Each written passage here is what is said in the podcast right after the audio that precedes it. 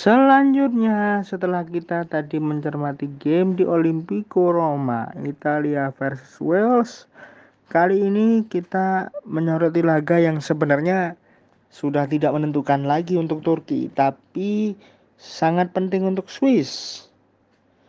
Bagi Turki, laga ini sudah tidak menentukan karena sejak matchday kedua kalah dari Wales, mereka dipastikan tereliminasi lebih awal karena kalah 0-2 di fase grup Sedangkan Swiss harus meraih kemenangan demi memaksimalkan tiket peringkat tiga terbaik.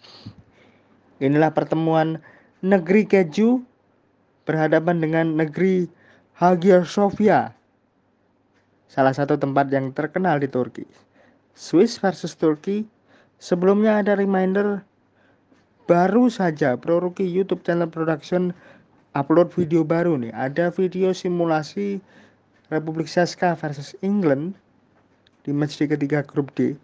Kalian bisa tonton di Pro Rookie YouTube channel production, tapi juga jangan hanya ditonton. Like, share, komen, subscribe, nyalakan loncengnya dan tonton videonya sampai habis biar bisa on target. Selain itu kalau teman-teman mau dengerin podcast kita dari episode awal sampai beberapa preview yang sudah dihadirkan mengenai Piala Eropa tinggal download di Play Store, download Spotify, Anchor atau juga Google Podcast. Dan untuk yang menunggu bagaimana review after game bisa dilihat di fanpage Facebook Gibol Respect. Semuanya tersaji di sana. Oke, nggak usah lama-lama pertemuan negeri keju versus Hagia Sophia Country. Akan segera kita mulai previewnya. Ini merupakan laga ke-16 bagi kedua negara di semua ajang internasional yang masih dimenangkan secara mutlak oleh Turki. Dengan koleksi 8 kemenangan 3 kali seri dan kalah 4 kali.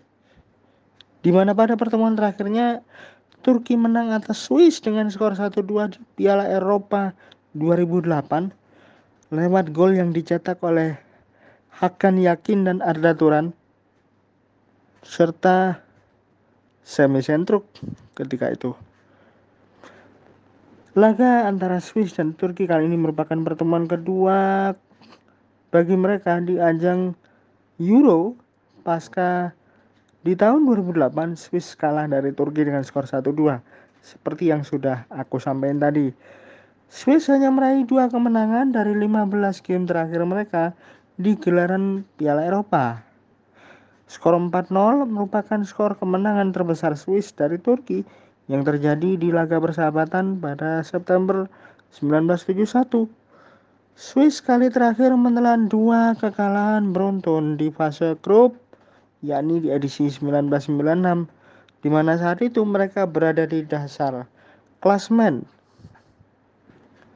Swiss baru meraih satu hasil seri dan satu kekalahan dari dua game di Piala Eropa dan semuanya dimainkan di Baku.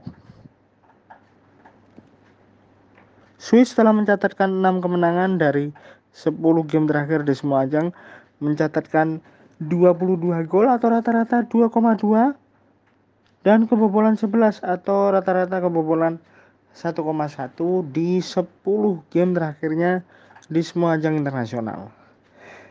Mario Gavranovic telah mencetak 4 gol dari 10 game terakhir The Red Crosses di semua ajang internasional.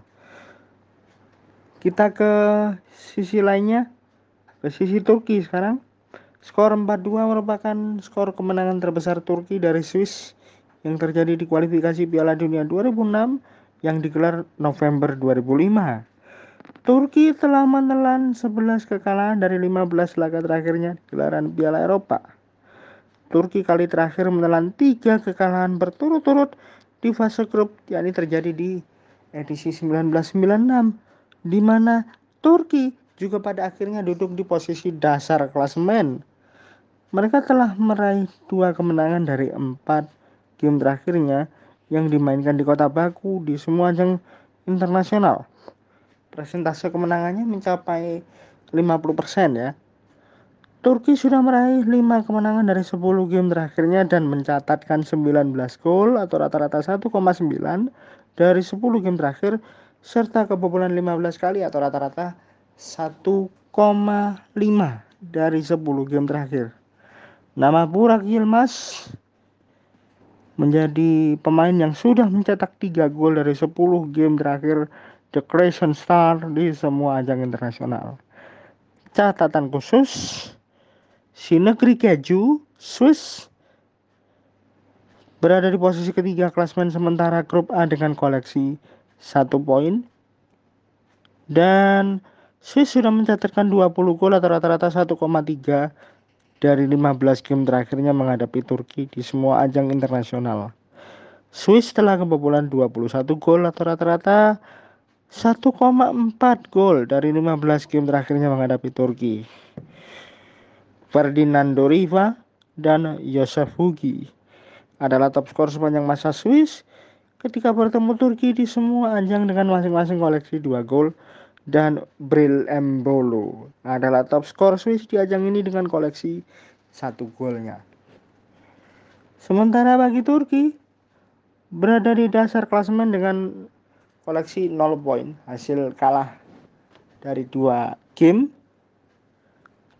dan mereka punya catatan yang sangat buruk di Euro tahun ini karena sudah kebobolan lima kali, tapi belum mencetak gol sama sekali. Padahal ketika kita lihat catatan mereka bertemu Swiss, Turki sudah mencatatkan 21 gol atau rata-rata 1,4 gol dari 15 game terakhir dan kebobolan 20 kali dalam rentang waktu yang sama.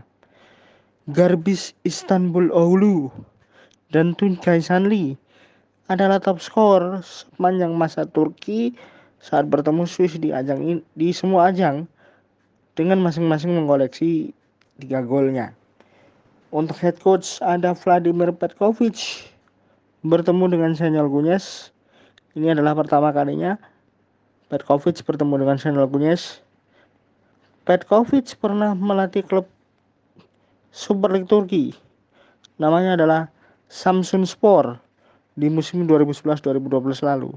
Dan Senyol Kunyes adalah bagian dari skuad Turki saat bermain di laga debutnya melawan Swiss tahun 1952. Wow, sudah lama sekali.